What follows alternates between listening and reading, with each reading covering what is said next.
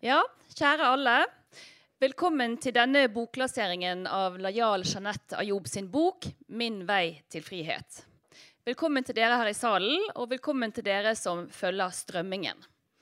Mitt navn er Gerd Johnsen, og jeg er forlagssjef i Respublika, som sammen med Tankesmien Agenda står bak dette arrangementet.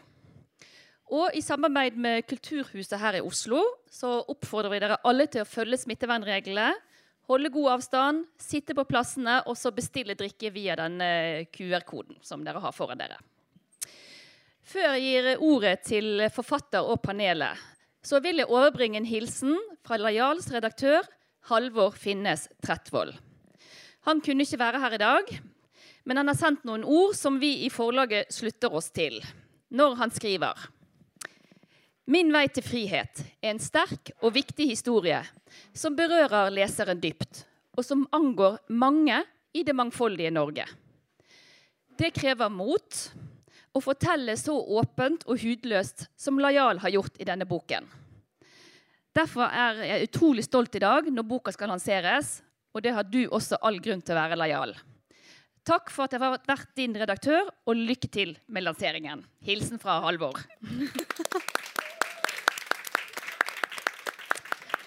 Da er ordet til uh, Sylo Tarakus fra Tankesmien Agenda, som skal være ordstyrer her i kveld.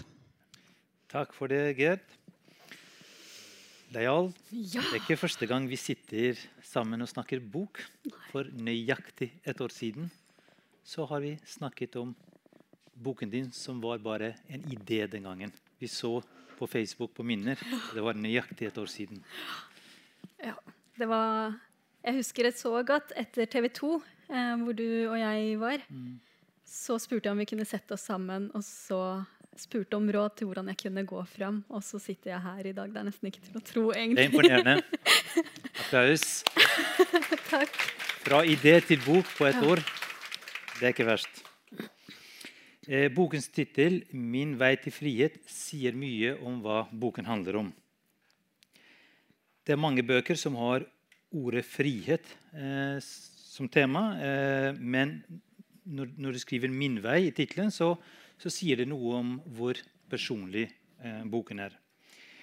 Du begynner helt fra barndommen.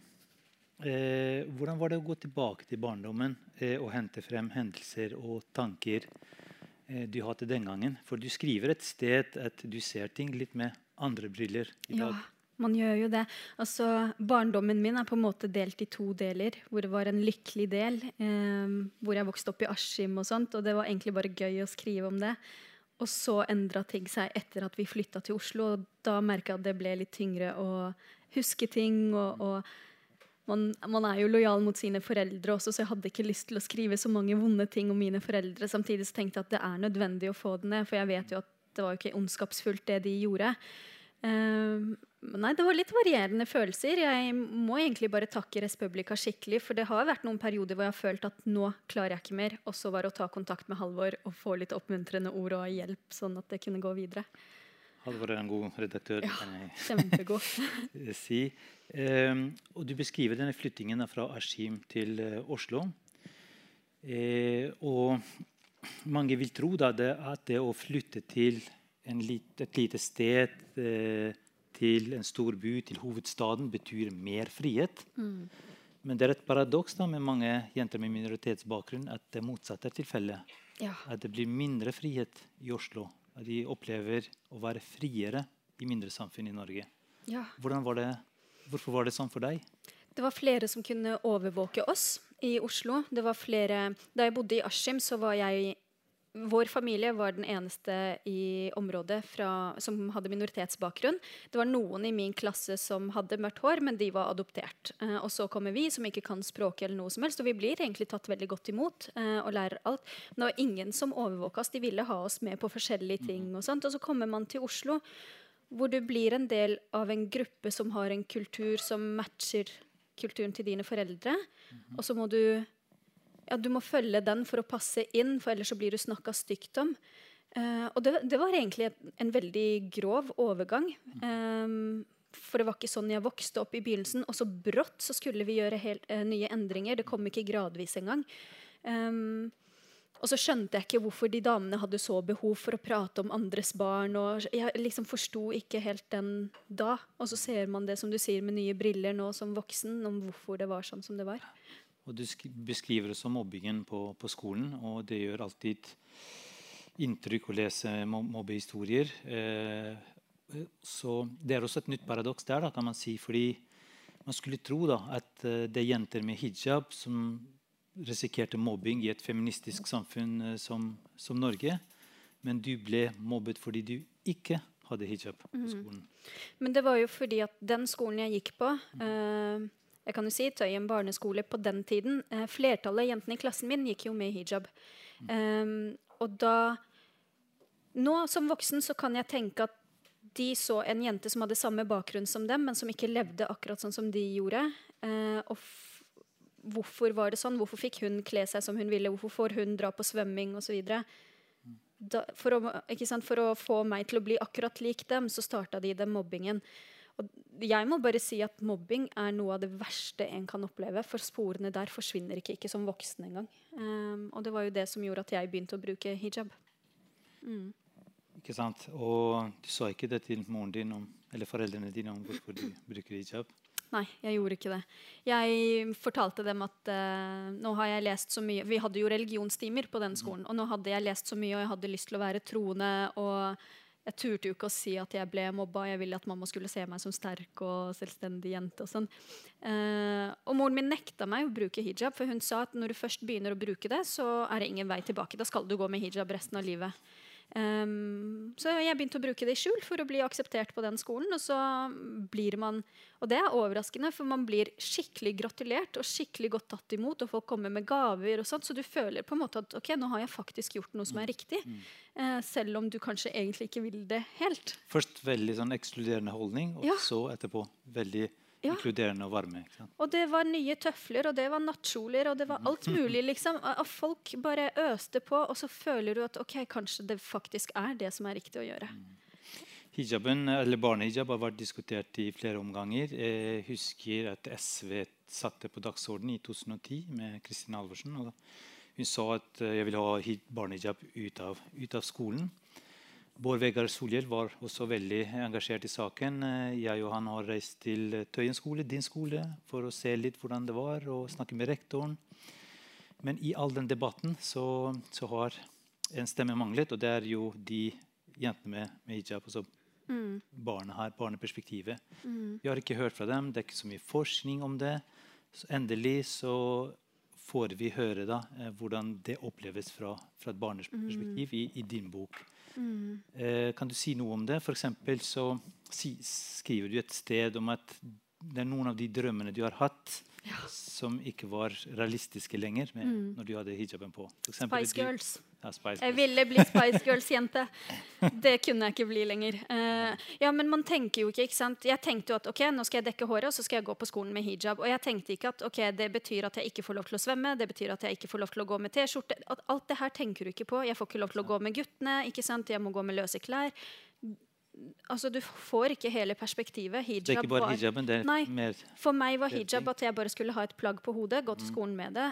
Uh, og jeg, jeg, skjønte ikke alle konsekvensene eller alle byrdene som kom med. Uh, og det håper jeg at folk, at barn nå uh, kan bli opplyst om. Personlig er jeg imot at barn skal bruke hijab på barneskolen.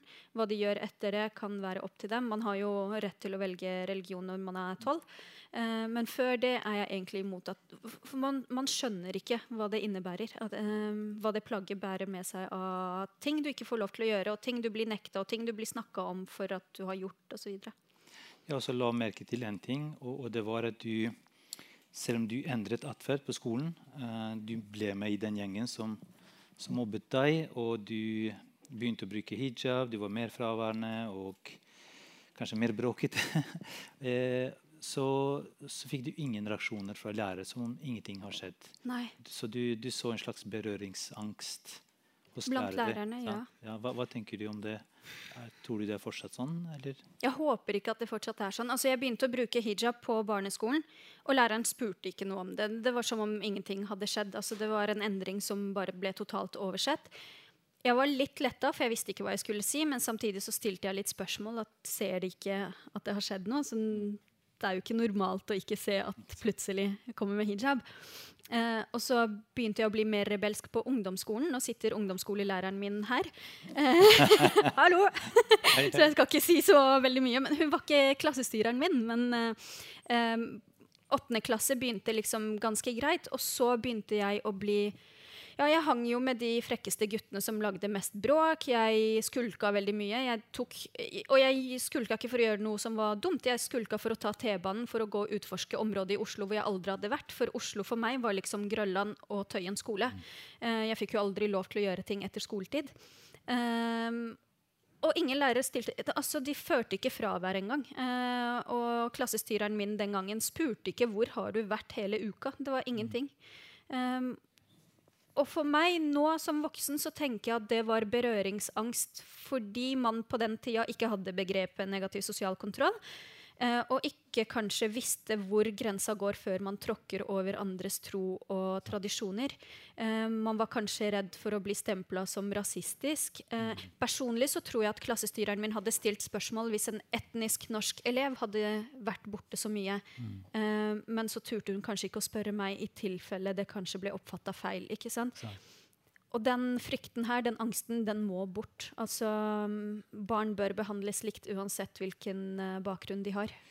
Det kan vi komme tilbake til i, under paneldiskusjonen. Uh, etter hvert så ble du 18 år og mm. gifteklar.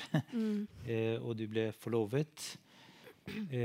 og så er det noe med sånn tvang og press her som har vært et diskusjonstema også hvor, i, i, debatten om tvangsekteskap. Hvor går grensen? Hva er tvang, og hva er press? Mm. Eh, med dine erfaringer, eh, er det, er det, lett å skille mellom tvang og press? Nei. Uh, jeg tenker at hvis du selv drar til dine foreldre og sier at uh, nå må dere finne en mann til meg eller en kone til meg, da er det arrangert ekteskap. Alt det andre, hvis noen finner det for deg eller foreslår for deg, eller hva, det burde være forbudt. For i mitt tilfelle Jeg ble jo ikke fysisk tvunget inn i den forlovelsen.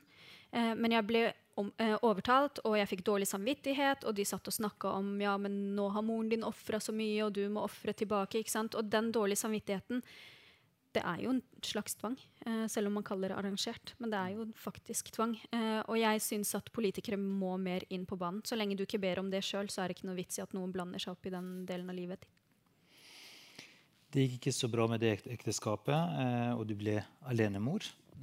Og tok utdannelse og et, valgte et yrke som ikke er typisk for, for kvinner. da datateknologi. Ja, jeg ville ikke ha det yrket engang. det, det var tøft.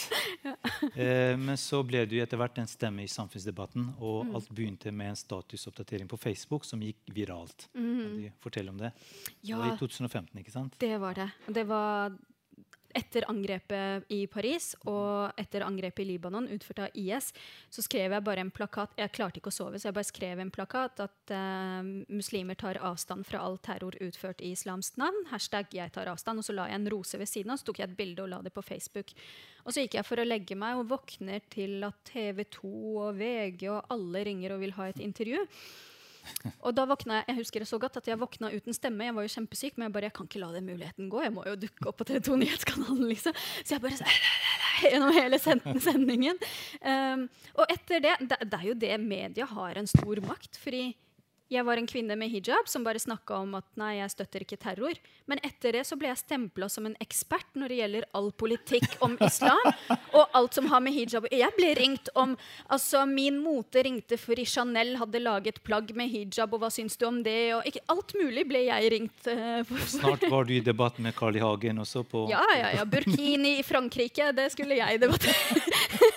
og jeg sa ja til alt som kom, og forsvarte og jeg mener jo det, ikke sant? Kvinner skal jo få lov til å velge å gå med det de vil gå med, eh, så lenge de ikke er pressa. Det er like ille å presse noen til å kle av seg som det er å presse noen til å kle på seg. Men jeg er jo ingen ekspert, og at jeg fikk den rollen, det var egentlig litt spennende. ja, jeg også eh, fulgte med og tenkte jøss, en ny frisk stemme i debatten. Eh, og begynte å følge deg på både Facebook og Instagram. Ja. Og jeg så du la ut mange bilder med, med hijab, og, og, plutselig en dag så ser jeg deg uten hijab ja. på Instagram. Og så, og så, sjekker jeg på Facebook om du har skrevet noe for sakens anledning. fordi det har skjedd en endring. Det var ingenting. Hvordan, Hvordan var den prosessen altså fra å forsvare hijab og sånt i, i sånne debatter til å ta den av? Og, og hvorfor gjorde du ikke et stort nummer ut av det sånn i starten? Åh, det, det, var en lang prosess, egentlig, men den foregikk i skjul. Og grunnen til at jeg ikke gjorde så mye ut av det Jeg var jo veldig god venninne med Malika Bayan, hun som hadde Merete Hodne-saken og frisørsaken. Mm. Eh, og vi bestemte egentlig oss for å gjøre det samtidig. Eh, og så gutsa hun på og la ut et bilde noen få dager før meg. Og så tenkte jeg ok, det er egentlig bra, for da ser jeg åssen reaksjoner hun får. Og det var jo kaos. ikke sant? Og da tenkte jeg ok, det jeg gjør på Facebook, er å legge ut et bilde med bare ansiktet mitt, uten hår, uten hijab, og så se hvordan reaksjonene er. Og ingen brydde seg. Det var ingen som skjønte hva det var. Ikke sant? Og så legger jeg ut et bilde uten hijab, og jeg hadde ikke fortalt noen andre enn to venninner. Eh, og det var Malika var en av de. Ingen andre. Og ikke mamma engang. Ingenting. Og så tenkte jeg nå skal jeg slå Facebook. Jeg skal, slå Insta, jeg skal ikke se på det der. Og så bare puste litt og se hvordan det føles. Og jeg måtte jo teste hvordan det var å gå uten hijab, og det turde jeg ikke engang å gjøre i Oslo. Jeg kjørte opp til Drammen, for der hvor ingen kjørte meg, og satt på en restaurant. Og ingen visste jo hvem jeg var, men jeg satt der og følte at alle satt og så på meg, og nå må vi forte oss, nå må vi ut. ikke sant?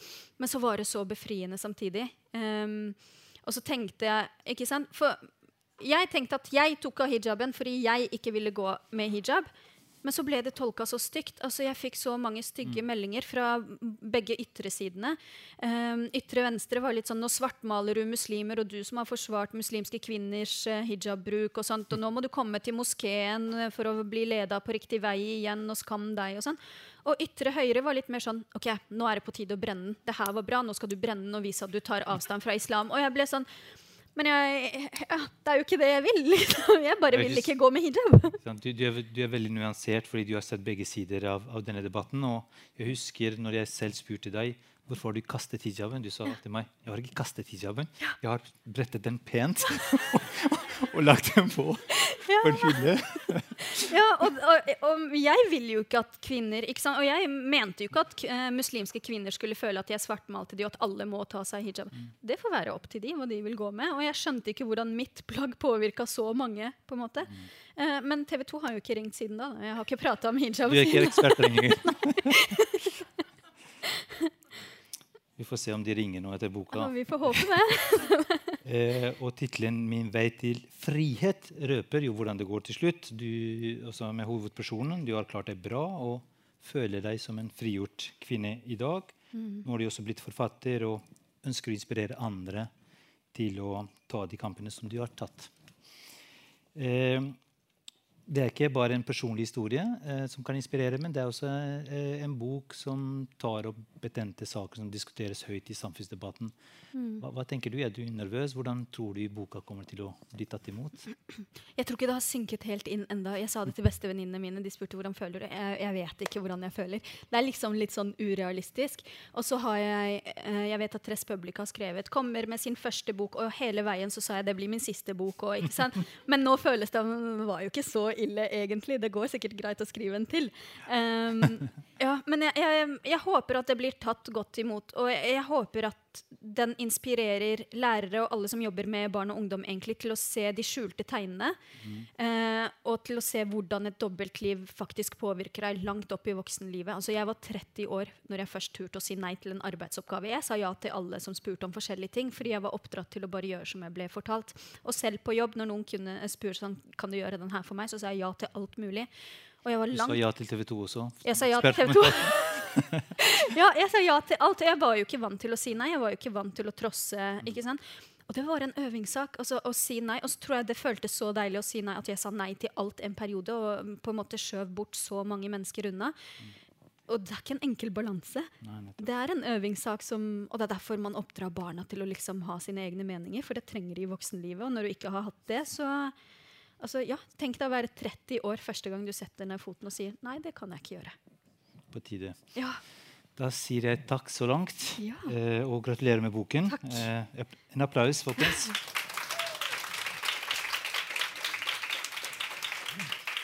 Så skal vi teste litt mottakelsen med vår prominente panel.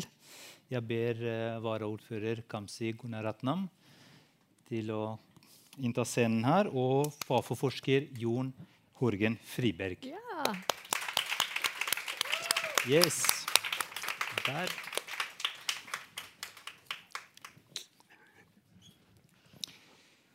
Ja, begynner med deg, eh, Jon. Som Fafo-forsker så har du vært med å forske flere sider av denne problematikken. Eh, du har bl.a. skrevet en bok om foreldreskap og sosial kontroll i, eh, i, også blant innvandrere fra Norge Pakistan, Somalia og Sri Lanka.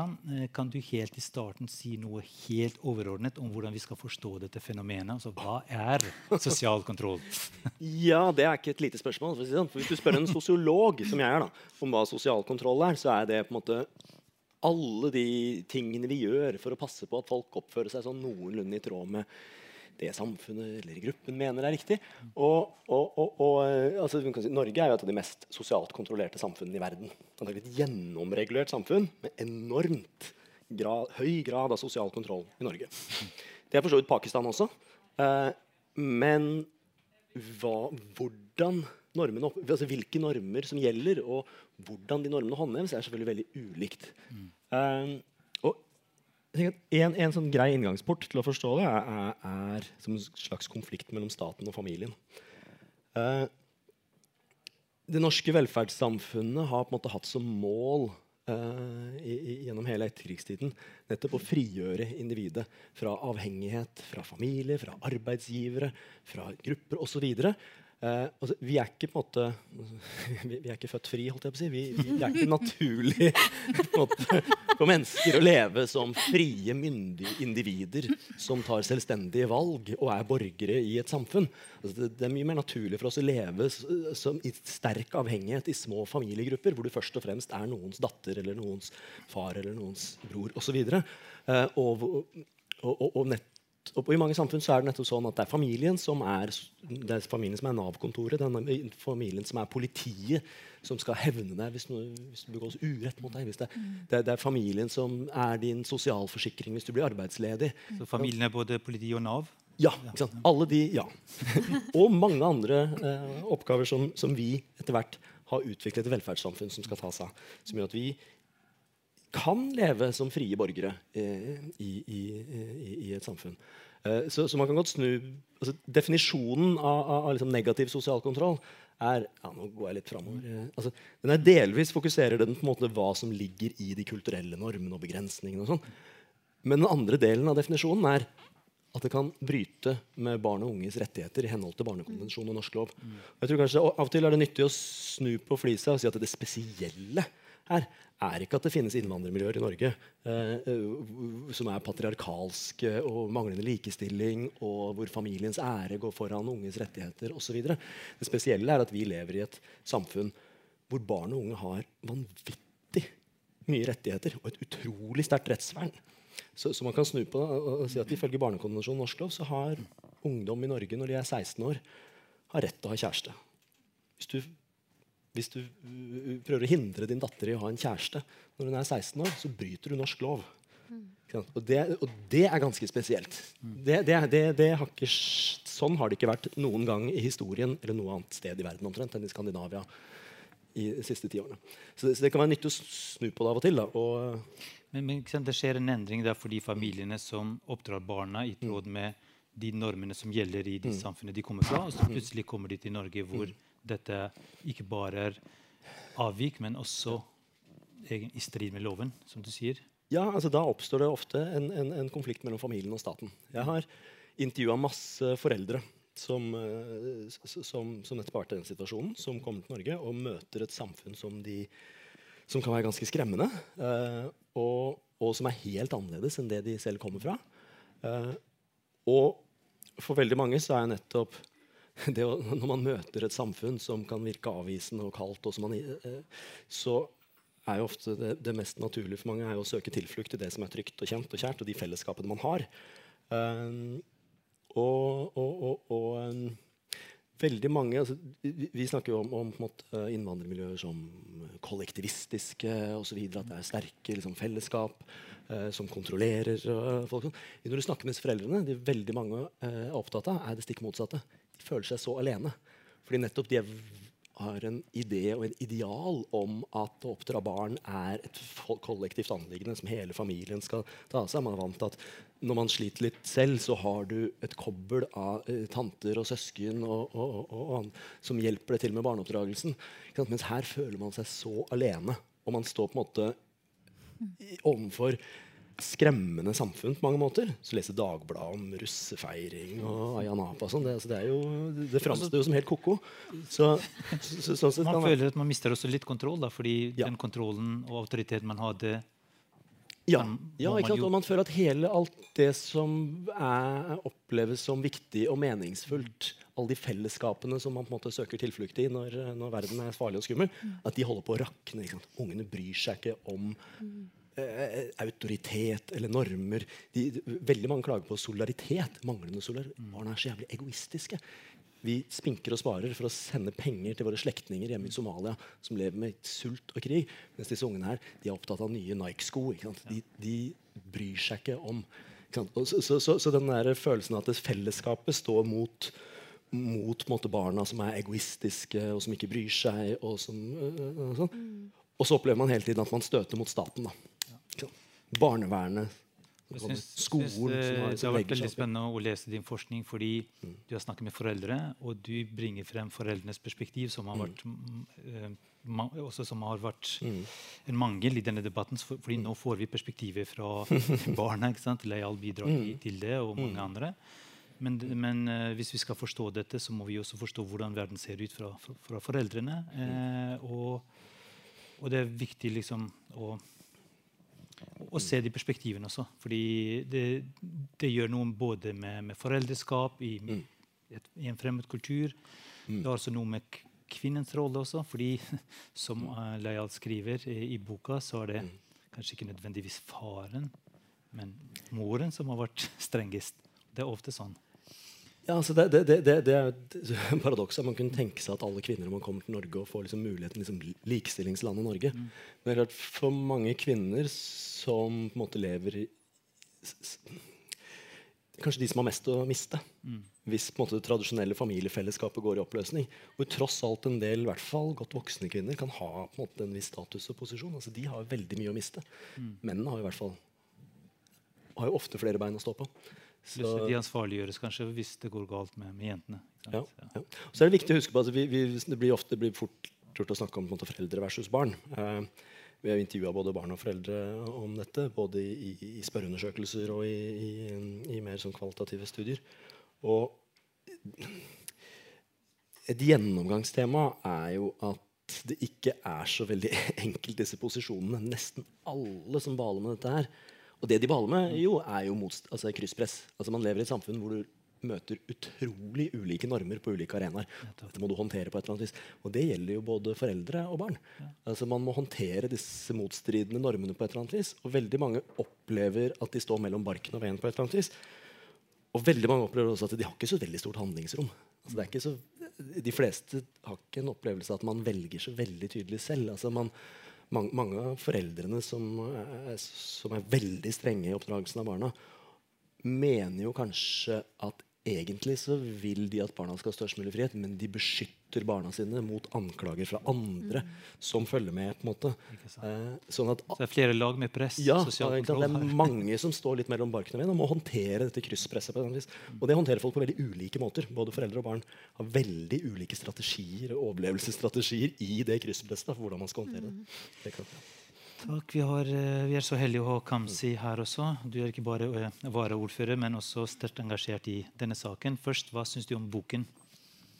Um, jeg leste boka med to uh, ulike blikk. Uh, først jeg er så stolt av deg. Uh, og at det at det sto, Jeg skulle hente boka hos Respublika, og at det var liksom en kremantflaske der med trynet ditt på. Det var sånn, Fuck sosial kontroll! Det, ingen, ingenting kunne sagt det bedre. Liksom. Men jeg leste i hvert fall boka med to blikk. Det ene er liksom mange av de tingene jeg kunne kjenne meg selv igjen i. Liksom, mensen er tabubelagt. Ja, du fikk det. Kjøp deg bind. Snakker ikke høyt om det. Eh, foreldre som eh, forteller at du ble sett med den ene gutten og den andre gutten og den tredje gutten. Eh, vær forsiktig med det. Eller ja, hvordan du snakker til de voksne. Eh, eller hvordan fellesskapsordninger, hvor viktig det blir eh, når økonomien er trang. Altså, det er mange ting jeg kjente meg selv igjen i, som var personlig å lese. Og så leser jeg det med politikerblikket. Bare, Hva er det vi gjør feil her? ikke sant? um, og, og, der er det jo ikke sant, eh, Syl og jeg har jo også sittet i eh, Migrasjonsutvalget. Eh, og eh, det er jo vanskelige temaer å diskutere.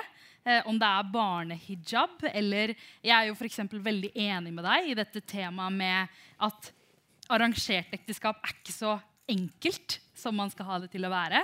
Eh, for selv om det er arrangert, det er ikke fysisk tvang, men du, har ingen andre alternativer i realiteten. Hvordan skiller du mellom det? Eh, skal man, hvordan skal man bidra der? og mm, ikke minst når kiden kommer med ja, barnehijab på skolen. Eh, hva, hvilke verktøy har vi til lærerne? Eh, jeg er en av de som var motstander av å ha et forbud per def. Eh, fordi jeg er der at når det gjelder forbud og påbud, så er det liksom siste utvei. Da har du prøvd alt annet. og jeg kunne ikke som politiker med liksom god samvittighet si at jeg hadde prøvd alt annet. og det kan hende vi kommer til det steget hvor vi må si at vi er nødt til å ha et forbud mot barnehijab. Men jeg mener at det er det at ikke læreren engang tok deg til side og hadde en eh, samtale i friminuttet. Bare Ja, hva, hva skjer med dette? Eller anything, da. Det, det, er sånne ting jeg håper liksom endrer seg med den såkalte flerkulturelle kompetansen alle institusjoner bør ha etter hvert. Men For å følge opp akkurat det. Eh, for I denne debatten så har posisjonene vært forbud på den ene siden, og de andre som har sagt nei, dette må vi løse med dialog. Men det har ikke vært noe særlig dialog når man ikke har en samtale med, med, barnet, og heller ikke foreldre. Kan man gjøre noe politisk for å få denne dialogen eh, i gang? Også for å liksom, forplikte skolen til å ha dialog? Mm. Ja, det er mye man kan gjøre. Eh, som på, okay, på ja. det, er, det, er, jo mye man kan gjøre eh, for å føre, føre, dialog. Jeg tror ikke man eh, i altfor stor altså, Vi har hatt berøringsangst. Lærere har hatt berøringsangst. Det gjelder alle temaer. Mm. For Sier jeg noe, kan det bli oppfattet rasistisk. Eh, og, så det, og så tror jeg faktisk i Oslo at det etter hvert blir en del lærere som både får den faglige kompetansen via utdanningen, og så er det den erfaringsbaserte kompetansen. Fordi du etter hvert har hatt noen elever mm. som går gjennom det samme, og etter hvert skjønner eh, at det er noen konturer her du kan liksom, eh, følge og forstå. Eh, jeg har veldig trua på at vi ikke har gjort nok på dialogsiden og kompetansesiden. Eh, det er mulig eh, å snakke med foreldre. Jeg mener f.eks. at barnevernet har kommet en lang vei. Fra å liksom bare ha rykte på seg om at du kommer ut av barna dine, til, til altså Når det er sagt, hver gang jeg er på ferie ja, Vi skal ikke snakke om ferie i korona, men hver gang jeg har vært på ferie i østblokkland, så får jeg alltid telefon fra den norske ambassaden med kan du ta en kaffe med ordføreren her? Jeg bare, Hvorfor skal jeg ta en kaffe med ordføreren? Nei, Du må forklare barnevernet i Norge. okay. Nei, fordi, fordi det inntrykket er eh, kommer og tar barna dine. Men, men det barnevernet i aller øh, Brorparten av det de gjør, nikk eller rist på hodet-forsker, er at de, at de, rådgir og veileder og, og, og, er et verktøy ikke sant, for å ha dialog mellom barn og voksne. Det tror jeg at vi har kommet en lengre vei med. Barnevernet også er et tema i i boken din, eh, Layal. Mm. Eh, og du forteller hvordan barnevernet oppfattes. Hvor skremmende og alt det der.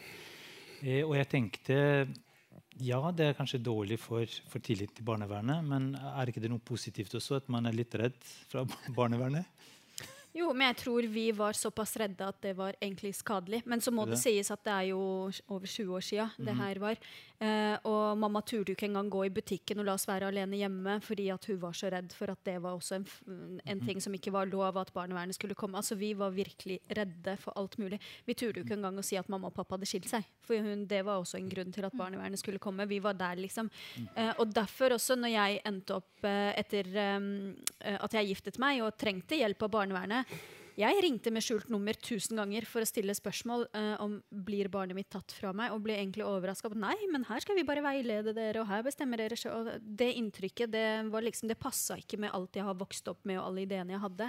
Så det er mange fordommer mot Det er fortsatt uh, veldig mange, men vi har kommet en god Det skal sies at der har vi, som Kamzy sier, vi har kommet en lengre vei der, uh, men det er fortsatt altså Tenk deg å være en flyktning eh, som akkurat har kommet hit, og første du hører, er liksom de skremselshistoriene. Og det skjedde med ungen til naboen, og det, ikke sant? og det bare sprer seg. Eh, så barnevernet må være på banen sjøl og fortelle hvordan de Dette er jobber. også et problem blant eh, østeuropeiske innvandrere. Eh, Stor mistillit mot barnevernet. Eh, Jon, hva tenker du på om barnevernet? Fordi sant, Folk kommer jo fra en annen kultur og hit, og så hører de om barnevernet. Og da kan de ikke oppdra sine barn helt som de gjorde før. Så barnevernet virker eh, i, i kraft av å eksistere.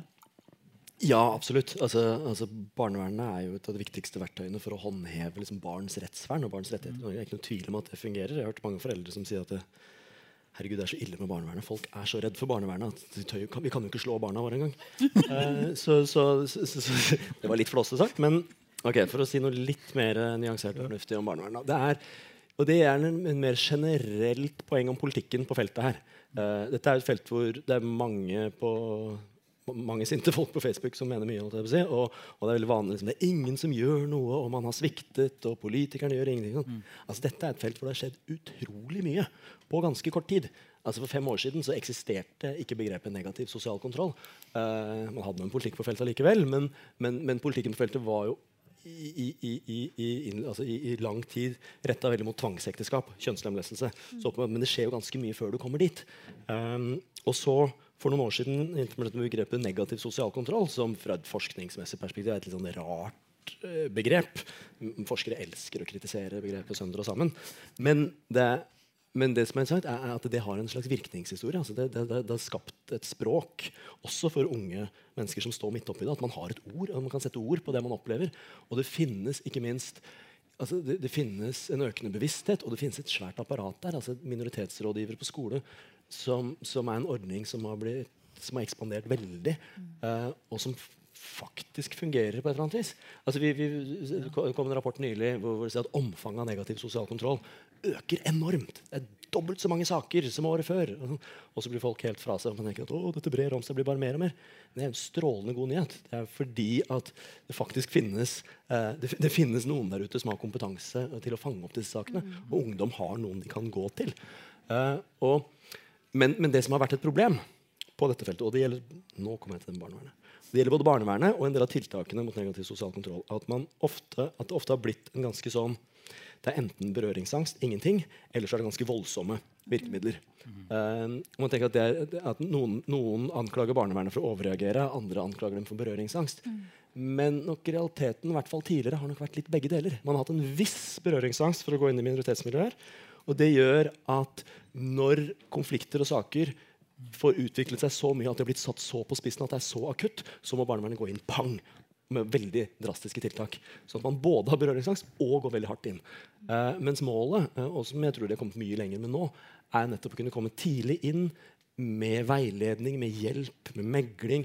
Det å kunne komme inn på et tidlig tidspunkt før det går til de akutte situasjonene der man må ta noen ut av familien osv. Det gjelder også på en måte tiltakene mot negativ sosial kontroll. og det det er viktig ikke bare hvordan, altså det er viktig også hvordan det framstår utad. fordi veldig mange av de ungdommene som står midt oppi dette her selv, altså, de er jo veldig mellom barken og veden. Altså, de, er jo en, de, de elsker familiene sine og vil jo ikke at noe galt skal skje med, med mannen sin. sted å gå til. Ikke sant? Men, men mange står midt oppi en litt sånn man ønsker å som de skamløse jentene, øke takhøyden litt i sitt eget liv. De føler det begynner å stramme seg litt til. Man trenger å liksom styrke sin posisjon litt. Grann.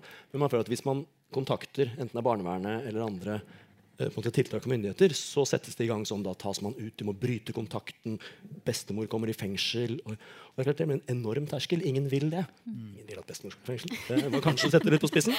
Men, eh, men, men, men det, det kan oppleves som at på en måte ja. Eh, så jeg tror det er viktig også at for, for, for unge mennesker der ute som strever med dette, at det er lavterskeltilbud som ikke behøver å være så inngripende. Og som man kan på en måte ta kontakt med på et tidlig tidspunkt. Og der tror jeg også, selv om det har ikke jeg forsket spesifikt på, eh, at barnevernet har blitt adskillig bedre de siste årene. Det var noe interessant du sa om utvikling på politikkområdet. Mm. At dette har liksom fra å ikke være noe fokus i det hele tatt, blitt et sentralt satsingsfelt. Ja.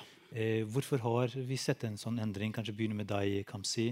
Hvorfor er sosial kontroll så sterkt på, på dagsorden? For tradisjonelt så har så har man fokusert på det å, når det gjelder integrering, det å lære språket, det å delta. Man har ikke ønsket å blande seg inn i kultur og barneoppdragelse og den type ting. Mm. Nå snakker vi veldig mye om sosial kontroll. Mm. Hva har skjedd?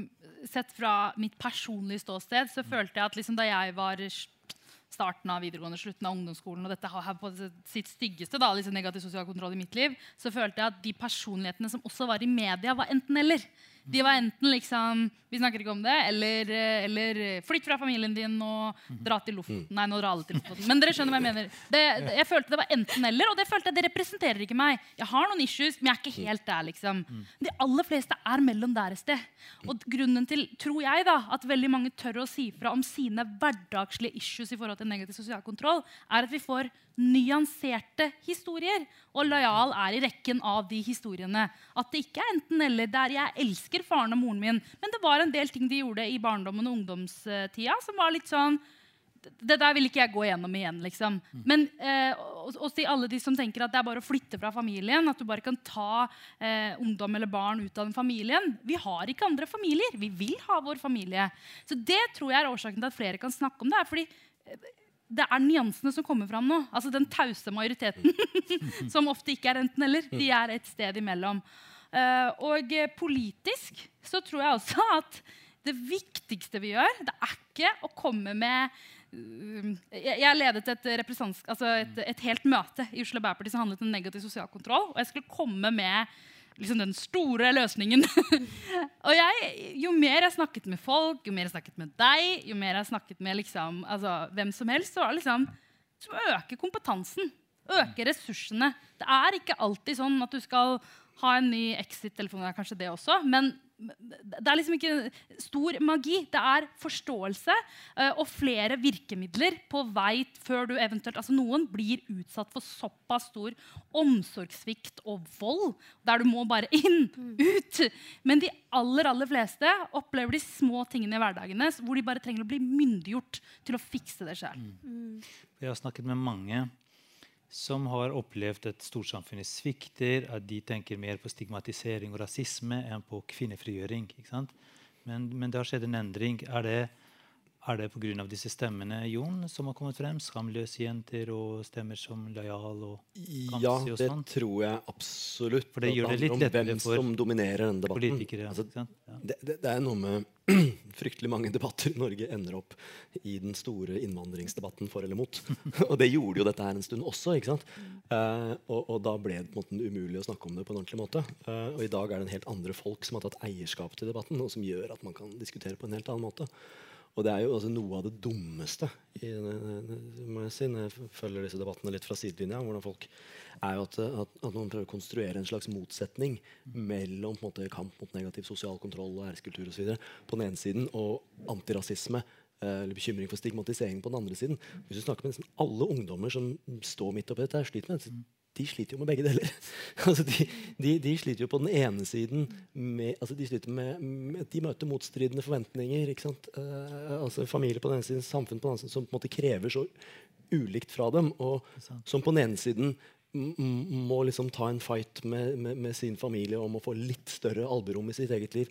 Samtidig så må de på en måte ta en fight utad for å liksom få få lov til å kalle seg nordmenn og være en del av på en måte, det norske samfunnet. Og, eh, og, og, og de føler at de liksom eh, Mange opplever at de står i en slags sånn tofrontskrig. Eh, og, og, og, Men, men også i debatten, da. For, for, for eksempel, jeg har hørt slagord av typen antirasistisk kamp mot sosial kontroll. Hvor man ønsker å signalisere at eh, ok, vi er, vi er opptatt av sosial kontroll, men vi er også opptatt av antirasisme. Så liksom, ikke misforstå oss. Ikke putt oss i feil bås. ja, ja. Man blir kanskje nødt til å signalisere sånt, men du kan, du kan si at, eh, at, eh, at, at kampen altså, Det at man nå har en reell politikk mot negativ sosial kontroll, er kanskje noe av det mer inkluderende og antirasistiske vi har. Altså, det er interessant Jeg leste en, På 70-tallet ble det gjort en kjempestor innmari bra studie av de første pakistanerne som kom til Norge. Aud Korbøl. Eh, som, og, og den studien ble aldri publisert, men den ble publisert i fjor. var det en ung forsker, Arnfinn Midtbøen, som tok tak i dette her og, og, og fikk denne boka publisert endelig 30-40 år etterpå. Eh, og det var utrolig interessant å lese om på en måte, for Hun hadde altså flere kapitler om familieorganisering og, og, og, og liksom familierelasjoner innad i disse første pakistanske familiene. Som, og det var helt slående. ikke sant? Dette var på 70-tallet. En periode idet det norske velferdssamfunnet var i ferd med og sant? Man hadde likestillingskamp og kvinnefrigjøring. Og man fikk barneombud og, og, sant? og, og en utrolig styrking av barn og unges og kvinners rettigheter eh, i Norge. Og samtidig så hadde en, en minoritet som ut fra liksom hennes beskrivelse den gangen eh, altså, Det var helt åpenbart at ekstremt lukka patriarkalske miljøer hvor barn og unge hadde ingenting de skulle sagt. I, eh, ja. og, men det var som, det var ingen som den gangen tenkte at måte, norsk liksom, lovgivning for barns rettigheter eller kvinnefrihet det angikk dem. De var jo fremmede. De var fremmedarbeidere. De skulle reise hjem igjen. Og sånn har man hele tiden tenkt på et eller annet vis. At, de, at det er de andre dette gjelder. og dermed, mens, mens i dag, etter hvert som måte, nye generasjoner med ungdom eh, vokser opp med flerkulturell bakgrunn og utgjør en betydelig andel av de oppvoksende eh, generasjonene, i hvert fall i Oslo og andre steder, så blir det på en måte umulig å si at de er, de er noen andre. Altså, de gjelder ikke. Ja. Altså, og, og, da er det i takt med at man da har bygd opp et enormt sterkt rettsvern for barn og unge i Norge så blir det uunngåelig at det også gjelder. Ja, real? Hvordan, så det er, det, men tenker det er en inkluderingsprosess. Ja, på et vis. Har du også tenkt litt på hvordan du blir oppfattet i, i denne debatten om sosial kontroll? Ja. Hvordan man skal balansere og sånt? Ja, og jeg tenker at det viktigste har vært å vise mine foreldre og jeg tenker de skamløse jentene også, alle andre som står fram, vise sine foreldre at det går faktisk bra. Men Jon mm. sa noe i starten. Eh, for du sa de der sosiale kodene som man ikke forstår, og da føler man liksom ekskludert. For jeg husker, vi, jo, vi bosatte oss i Askim, og så døde kongen. ikke sant? Og moren min hun tok eh, bussen til sentrum nesten hver dag. Og folk gikk jo i svart, for det var vinter eh, en periode. Og så sitter alle helt for seg selv på bussen, og ingen snakker med hverandre. Og så gikk det flere måneder, og hun bare Hvor lenge skal denne befolkningen her sørge, egentlig? ikke sant? For hun skjønte jo ikke. Og det er sånne, jo, Men vi ler av det, ikke sant? Og, og det jeg skriver i boka om den 17. mai-episoden, f.eks., som vi ler av nå. Men jeg tenker sånn, tenk hvor frustrerende det var for henne å egentlig ikke forstå samfunnet her i det hele tatt. Og du sendes på skole for å lære språket, og du får vite ja, men tvangsekteskap er ulovlig, og her skal du ikke slå. Men de små sosiale kodene som gjør at du klarer å fungere i samfunnet, de mangler fortsatt. Og der har vi en st eh, stor jobb uh, som må uh, endres. Og jeg selv klarte ikke å se at jeg ønsker ikke den, den, oppveksten jeg hadde, videre på min datter. Før jeg faktisk hadde min datter i hendene mine. Jeg må dessuten sende henne en hilsen, for hun fikk ikke vært med i dag. Hun sitter og ser på. Men det var først når jeg satt med hun i armene mine, at jeg tenkte jeg kan ikke skape en til versjon av meg. Eh, og nå må jeg gjøre en endring. Og selv om det kosta skikkelig mye å gjøre det, og jeg måtte stå i den kampen, så visste jeg at for hennes generasjon så kommer det kanskje til å bli litt enklere. Det er det jeg håper, egentlig. Mm. Kanskje du skulle kommentere det? Uh, jeg ble så satt ut. Jeg bare, Selvfølgelig trenger vi en versjon til av deg. uh, ja, det Nei, jeg tenkte på utvikling, utviklingen av debatten. Ja, fordi uh, um, Nå satt jeg helt ut. det jeg skulle si, er Oh, herregud, tenkte på utviklingen av debatten. Det har blitt lettere å snakke om dette? ikke sant? Ja, det har blitt lettere å snakke om det. Ja. Fader ja. Det var enklere. Jo, jo, jo, jo, det var det jeg skulle si. Ja, det. Nei, fordi jeg vil egentlig bruke anledning til å si en ting. Jeg tilhører venstresida, er sosialdemokrat og eh, eh, fulgte med politikken kjempelenge utenfra før jeg i tidlig 20-åra ble aktiv. Jeg mener venstresida tidvis og selv om det var arbeidsinnvandring i starten og midlertidighet, så begynte man jo å bosette seg etter hvert også. Og selv da også at vi var mer opptatt av å være antirasister enn feminister. Eh, det mener jeg, og det må beklages. Eh, og, og, og, det tar vi lærdom av nå, eh, og er mye, mye tydeligere på det. At det måtte gå at det måtte bli 2018 før vi sa at vi krever 40-60 andel i styrene i alle trossamfunn for å få penger og cash fra staten. Det er helt utrolig. At, vi, at, det tok liksom helt til 2018. Fordi det handler om å danne strukturer som danner holdninger. Eh, og at eh, skal du ha pengene, så skal du også følge visse verdier eh, som man setter høyt. Og jeg synes det er veldig rart at man trenger å understreke at man er antirasist for å være feminist. fordi når vi snakker om likestilling, når vi snakker om demokrati, når vi snakker om åpenhet, så er det universelle regler. Du trenger ikke si at du, jeg er eh, feminist, men jeg er også norsk. eh, by the way. Eller jeg er også tamilsk. Altså, det er sånn, Hvorfor må du si det? Hvor, hvorfor kommer den understrekinga? Da prøver du implisitt å si at etnisitet henger sammen med dine verdier. Og det skal det ikke gjøre i en flerkulturell by. da. Selv om det er blitt lettere å snakke om dette, så er det fortsatt eh, også Sosial kontroll handler om eh, patriarkalske strukturer, om, om oppdragelse og sånn. Eh, men snakker vi i bunn og grunn om sex og religion? Til syvende og det, sist. det var to forskjellige ting, men ja. eh, Jeg tør å spørre deg sånne ting, fordi jeg vet at du ikke har berøringspunkt. Ja, OK. For å uh, uh, Ja, altså, altså Det gjør jo altså, OK, det jeg skal svare todelt på det. Eh, det er, det, det, vi, blir, vi som forsker på, på, på innvandring og integrering, blir ofte, ofte spurt om dette med altså, eh, om dette med liksom verdikonflikter i det flerkulturelle samfunnet. Er det liksom, hvor store forskjeller er det egentlig mellom de norske verdiene og innvandrernes verdier eller muslimske verdier? eller hva det er? Eh, og veldig ofte så, så, så ble, har jo det blitt frama rundt spørsmål om demokrati og menneskerettigheter osv. så, altså, det finnes jo noen som forsøker å kartlegge verdier rundt omkring i verden. Uh, Pippa Norris og, og Ronald Inglehart, som leder World Value Survey, som kartlegger holdninger over hele verden, de hadde et morsomt sitat som heter at uh, det viste til Samuel Huntington, som hadde denne Clash of Civilizations. Uh, som var da at liksom, den store konflikten er mellom den muslimske verden og, og, og, og det sekulære Europa, og det handler om demokrati. Og sånn. De sier at eh, Basert på deres undersøkelser Samuel Huntington was only half right. The real clash of civilization is not about democracy, but sex. Altså, hvis du ser på verdi, hvis du, hvis du skal snakke om verdiforskjeller, holdnings, som globale holdningsundersøkelser, så er det ikke sånn at folk i ulike land har så veldig ulike syn på menneskerettigheter, demokrati og sånn. De aller fleste mennesker som vokser opp i autoritære, udemokratiske stater, ønsker seg mer frihet, mer demokrati osv. Det er ingen tydelige kulturelle forskjeller langs de aksene der. Eh, det er derimot veldig, veldig tydelige forskjeller i holdning til seksualitet. Og i forlengelsen av det selvfølgelig familieorganisering. Det er klart, eh, det er, det, det er, det, er noen sånne, sånne, sånne koblinger som blir ganske tydelige ehm, eh, når man snakker, blant annet når man snakker med foreldre. Altså, jeg var overrasket når jeg snakket med hvor raskt man gjør disse koblingene i forhold til for eksempel ærbarhet, seksualitet. altså Krav om eh, å ikke ha sex utenfor ekteskapet. Veldig veldig utbredt i veldig mange innvandrermiljøer. Det betyr ikke at det håndheves så veldig strengt. Det er veldig stor variasjon i forhold til hvordan man håndhever det, men som et ideal veldig veldig utbredt. Eh, mange foreldre de snakker om det, så går man veldig raskt fra altså kjærester, seksualitet i ungdomstida til ekteskap. Og fra ekteskap så går linja overraskende raskt til gamlehjemmet.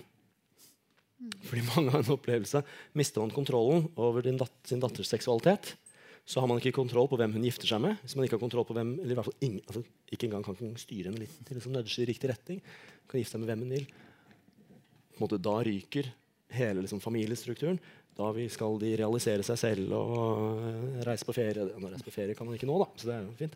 Men, men, men, men? Og, og hva skjer da? Jo, da ender du som forelder opp ensom og forlatt på et iskaldt norsk gamlehjem hvor du spiser fiskeboller klokka ett om å legge deg før Dagsrevyen.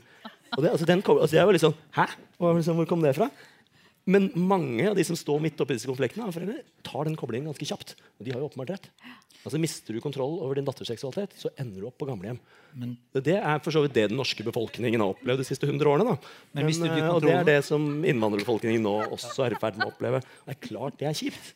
Men mister du kontrollen, så kan også dattera gifte seg med en ikke-muslim. ikke sant?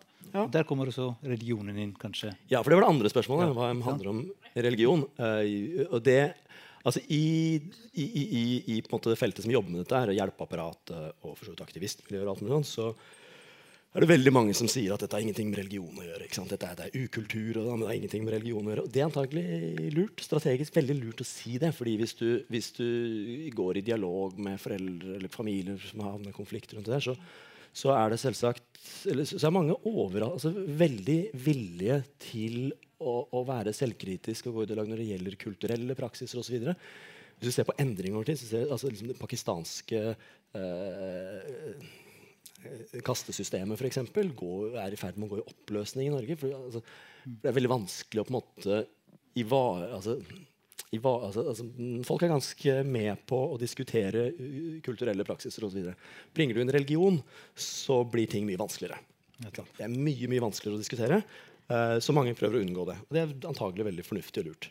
Uh, men, sånn, også, men sånn helt empirisk så er det selvfølgelig at religion har masse, masse å si. For det første er en kilde til normer om ærbarhet og dydighet osv. Og, så videre, og kjønnssegregering osv. Uh, men man trenger ikke å gå til liksom, teologien og si at det er noe spesielt med noen religioner versus andre. Det er jo bare at uh, Legitimering, kanskje? Leg, altså, ja, altså, altså, religion er et utrolig mektig verktøy.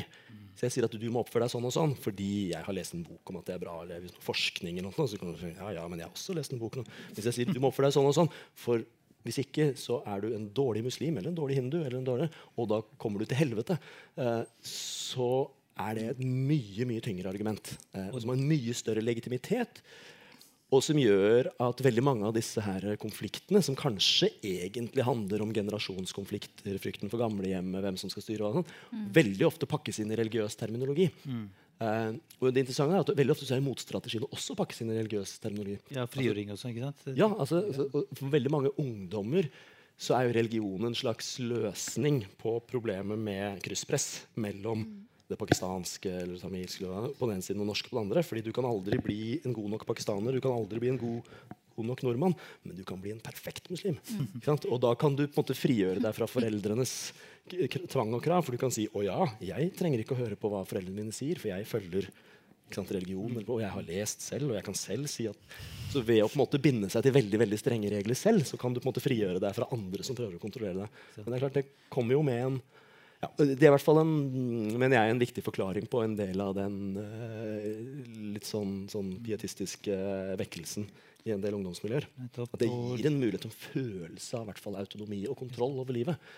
Men for veldig mange så kommer jo det med en stor kostnad. Da, og det kan bli ja. Det som er interessant med Løyals bok, er at uh, det er en personlig historie. Men i den personlige historien så er det mange, mange ting som, som, som er tankevekkende. Som liksom har fått meg til å stille spørsmål om alt vi snakker om her, i religion og sånn. For et sted så skriver du Lojal om hvordan eh, du ble så redd da, for å havne i helvete Ja. og alt det der. ikke sant? At du eh, de religiøse fortellingene, eh, og spesielt de som, de som er veldig skremmende, da, de, de gjorde dypt inntrykk på deg, eller du, du ble redd, da, rett og slett. Ja. Og jeg var jo Jeg ble jo fortalt at uh, du har jo to engler på skuldrene. Den ene noterer det som er bra, den andre det som er dårlig. Og de listene de sendes jo til Gud. Og jeg tenkte Gud sitter jo bare der og venter på listene, og jeg kan ikke gjøre noe galt, for da brenner jeg. ikke sant? Og jeg altså, Tenk deg å være et barn og sove med den tanken hver dag om at oi, i dag gjorde jeg noe som ikke var helt riktig. Jeg kommer til å brenne i helvete. Og så gjør du noe feil igjen om noen dager, og så ja, er sjansen større for å brenne i helvete. Og den frykten, den unner jeg ingen. Men jeg er ikke imot at foreldre oppdrar barn til å lære om sin religion og andres religion. Tvert imot. Altså, jeg sender dattera mi overalt. Hun har vært på Rundt juletider sier hun kanskje er kristen, og rundt uh, id så er hun kanskje muslim. Og uh, i mai så begynner hun å vurdere jødedommen, og ellers på året så er hun enten agnostiker eller ateist. Og, og det er sånn jeg føler at barn skal bli oppdratt. Lære om alle religioner og alle ikke-religioner. Og så ta et valg selv som de er komfortable med. For den frykten Jeg vil kategorisere det som barnemishandling, rett og slett. For jeg var så redd. Jeg, jeg klarte liksom ikke Altså, jeg kunne ikke si noe som helst mot noen, for da, det kan jo også bli fatta feil. Jeg kan ikke heve stemmen min. ikke sant? Hvis noen slår, så kan ikke jeg heve stemmen min, for det kan bli feil. Altså, det var Fordi, så fordi den sosiale kontrollen blir da så effektiv, fordi foreldre kan ikke følge med, men Gud følger med. Mm. Ja, sant? Gud, han er overalt. Du, du kan ikke skjule deg. ikke sant? nei, nei. nei. Han ser alt. Han er overalt. ikke sant? Og, og så legger du deg på kvelden, og så tenker du sånn Jeg får jo ikke retta opp i alle de feilene jeg har gjort. Hvordan skal man rette opp i det? Det hvisker jo ikke, han som sitter der. Han tar jo ikke Ikke sant? Det er sendt, det, til Gud. Nettopp. Eh, du sa noe om omfang, men eh, når vi snakker om omfang av sosial kontroll, eh, kan si, så får jeg så motstridende meldinger hele tiden. Og så jeg prøver å Jeg spør folk om hvilken vei det går. Eh, og noen sier jo det går eh, i riktig vei, andre sier at ting bare blir verre når jeg besøker ulike bydeler og sånt. Og det, det er vanskelig å, å, vite noe om omfang. ikke sant? Det, det, det, snakkes veldig mye om, det, men, om dette, men skal, hvor mye kan vi stole på disse registreringene? Er det bare et tegn på at ting, at ting skjer, at det er hjelpesystemet som fungerer? Hva er dine inntrykk? Er vi på rett vei? Går sosial kontroll opp eller ned? Hm. Jeg har ikke satt meg inn i tallene på antall. Men jeg vil jo forestille meg at det er en bra ting at flere sier ifra. Uansett hva graden av negativ sosial kontroll er. At det er en bra ting. Det betyr at vi har flere redskaper der ute som fungerer som det skal. Eh, det betyr ikke at ting er perfekt, det betyr ikke at alle får den hjelpen de trenger. Men det betyr at vi har klart å skape terminologier, altså språk, ord, som gjør at flere klarer å adressere, og at flere klarer å oppsøke noe av verktøyene og redskapene som er der. Eh, og så må vi på et tidspunkt se om det er bra nok. Eh, for det er jo det det handler om til syvende og sist. Kan vi alle leve frie liv? Mm. og det gjelder nordmenn som oss med bindestrek nordmenn. Jon, ja, sier, altså, noen, Hvilken vei? Endring? Ja, sier noen, noen, sier at det, det, blir bare, det brer om seg, det blir stadig mer. Andre sier at det, jo, det går seg til over tid. jo På en måte så har begge rett. Eh, fordi eh, Norge har hatt veldig høy innvandring de siste 10-15-20 årene. Eh, I dag er det er veldig mange flere relativt nyankomne innvandrere i Norge i dag enn det var for 10-20 år siden. Eh, så mange av minoritetsmiljøene med folk som har bakgrunn fra land med helt andre familieorganisering og eh, kulturelle koder osv., de er veldig mye større i dag. Så sånn sett kan vi si at ja, eh, miljøer hvor denne type det vi kaller negativ sosial kontroll er et tema og en problemstilling, er større. Og sånn sett, ja, det brer om seg. Hvis man følger individuelle innvandrede familier eller innvandrergrupper over tid, så er så er nærmest entydig at det skjer en liberalisering og endringsprosess over tid. Vi ser for på familie, altså vi har gjort store sånne kvantitative spørreundersøkelseskartlegginger. og Det er helt entydig at familiens botid har en, en, klar effekt i retning av at det blir mindre type restriksjoner og, og, og mindre strenge restriksjoner på hva man får lov til. Selv om foreldre, uavhengig av foreldrenes verdigrunnlag. De, foreldrene kan være like konservative, men hvis de har bodd lenge i Norge, så er det mindre sannsynlighet for at de legger veldig veldig strenge begrensninger på barna sine. Mm. Uh, og det ser vi også på en del, altså De gruppene som har bodd lenge i Norge, den pakistanske gruppa for eksempel, så kan man jo se veldig tydelig også endringer f.eks. i ekteskapsmønstre. Uh, eh, søskenbarnekteskap. Eh, på, man gifter seg redusert. senere også. Man gifter seg senere, føder færre barn. Færre barn. Eh, det har vært spørreundersøkelser som måler grad av foreldreinvolvering. Altså, arrangerte ekteskap er på retur eh, i Norge. Eh, ganske kraftig. Eh, og litt av grunnen til at vi tror at det blir mer det er, altså, Endring skjer gjennom konflikt. Så når du hører veldig mye om en ting, så er det fordi den tingen ikke lenger tas for gitt. Det er fordi noen sier nei, noen tar opp kampen. Det blir konflikt. Og grunnen til at vi tenker at ja, det var mye mindre av det før Jeg leste aldri om negativ sosial kontroll. i avisene, Det var fordi ingen brydde seg. Men hvis du, hvis, du, hvis du, snakker med familien om hvordan var det egentlig på 80-tallet i familien deres, så så det betyr da, at sånne bøker som Loyals er, betyr litt konflikt og spenning, men at det også bidrar til endring. Sånn verden går fremover. Tusen, tusen takk for um, interessant og inspirerende samtale. Og igjen gratulerer til deg, Loyal. Jeg har lest boka og anbefaler den på det sterkeste. Veldig interessant og engasjerende bok. Takk. Så, takk tusen takk. Takk for at du kom. Ja. Yes, gratulerer nok en gang. Tusen takk. Ja, Tusen takk til Lajal og resten av panelet for en interessant samtale om et viktig tema. Og Lajal, på vegne av forlaget, gratulerer med boken. Takk. tusen, tusen takk. Det har vært herlig å jobbe med dere. Det skal dere ha. Ja. Dere som ser på strømmingen, kan eh, gå til bokhandel og kjøpe boken, eller gå inn på nettsiden respublika.no og bestille boken rett hjem. Dere som er her, kan gå eh, rundt hjørnet ved baren, kjøpe bok, få den signert. Hold god avstand i signeringskøen. og husk munnbind på vei hjem. Så takker vi på vegne av Tankesmien Agenda og Republika for at dere kom. Tusen takk.